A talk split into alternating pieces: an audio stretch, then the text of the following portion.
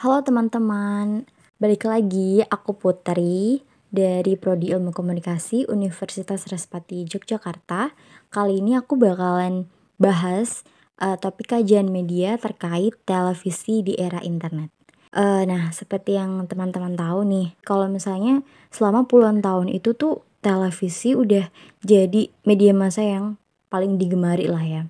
Teman-teman juga waktu kecil mungkin kayak udah bener-bener deket banget gitu ya sama televisi karena dia itu adalah sebagai media hiburan, informasi, dan sifatnya yang audiovisual itu uh, ada banyak sekali acara yang ditampilkan di televisi itu kayak misalnya musik, film, sinetron, variety show, reality show, dan juga acara-acara lain yang gak kalah seru kayak misalnya olahraga. Tapi sekarang ini kita udah ada di zaman yang baru di mana ada yang namanya internet.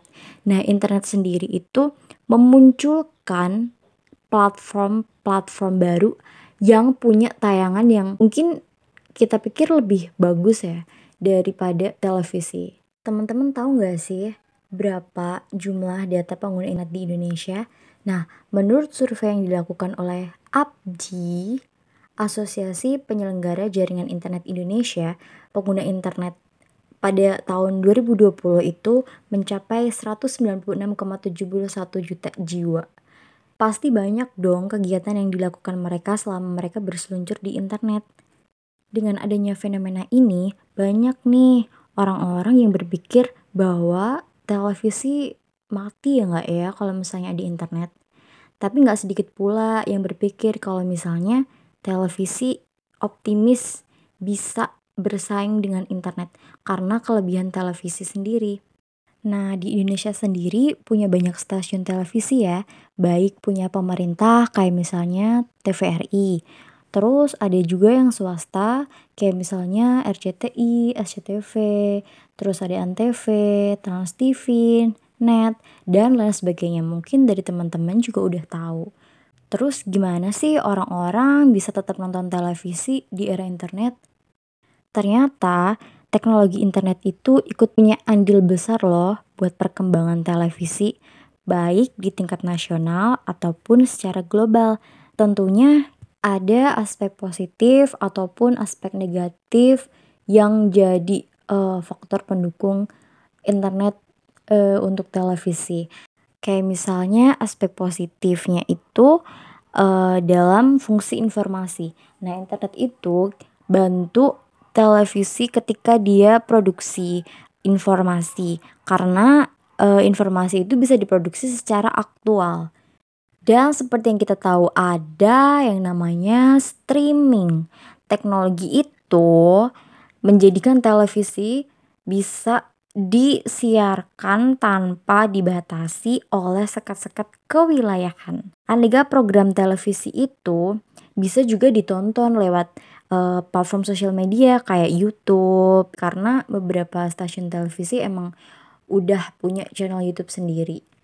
Sehingga jangkauan dan jumlah penonton sebuah acara di televisi itu bisa uh, semakin meluas. Saat ini sudah banyak terjadi perubahan dalam pola nonton televisi.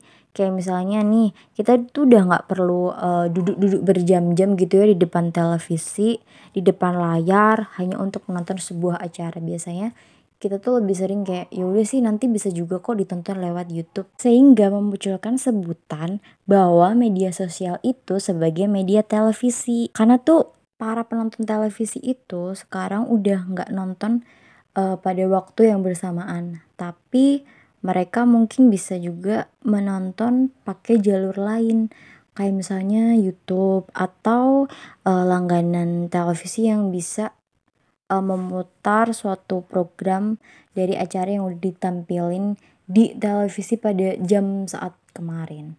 Tapi pernah gak sih kalian berpikir yang kita tahu kalau misalnya uh, televisi, radio dan berbagai macam lembaga penyiaran itu tuh punya yang namanya undang-undang atau pedoman siaran televisi. Tapi kalau misalnya televisi itu pada pindah ke medsos, apakah itu juga ada aturannya? Padahal di media sosial itu tempatnya seperti tidak terbatas. Semua tayangan yang nggak uh, boleh muncul di televisi itu tuh bisa kita search bisa kita dapetin bisa ditayangin di media sosial padahal pengguna media sosial itu tidak hanya dari kalangan uh, kita nih. Tapi juga ada anak-anak ada remaja yang mana mereka mungkin belum ada yang namanya literasi media. Sebenarnya regulasi yang uh, apa seharusnya dilakukan oleh pemerintah itu juga masih membingungkan ya. Kalau pemerintah Indonesia sendiri itu sudah mengatur media digital dengan menerapkan strategi yang namanya deregulasi atau self regulation. Nah, di mana peraturan utamanya hanya memberikan batasan. Kemudian aturan detailnya itu dikembalikan pada masing-masing platform. Misalnya YouTube, TikTok ataupun Instagram itu punya yang namanya community guidelines yang uh, mengatur detail konten kawasan mereka seperti itu ya. Tapi uh, sepertinya aturan uh, eh, self regulation itu juga masih belum bisa maksimal ya karena balik lagi tadi lalu lintas data di internet di platform itu tuh uh, banyak banget gitu ya. Jadi kadang-kadang perusahaan yang punya atau punya andil besar dari platform itu tuh belum maksimal gitu ya. Jadi, nah mari sebaiknya kita tunggu aja regulasi yang seperti apa sih yang tepat untuk um, mengatur konten-konten di media sosial karena media sosial sendiri punya karakteristik yang berbeda dengan televisi. Oke teman-teman, mungkin segitu dulu yang bisa Putri sampaikan. Kurang lebihnya Putri mohon maaf. Uh, semoga kita bisa ketemu di lain kesempatan. Terima kasih.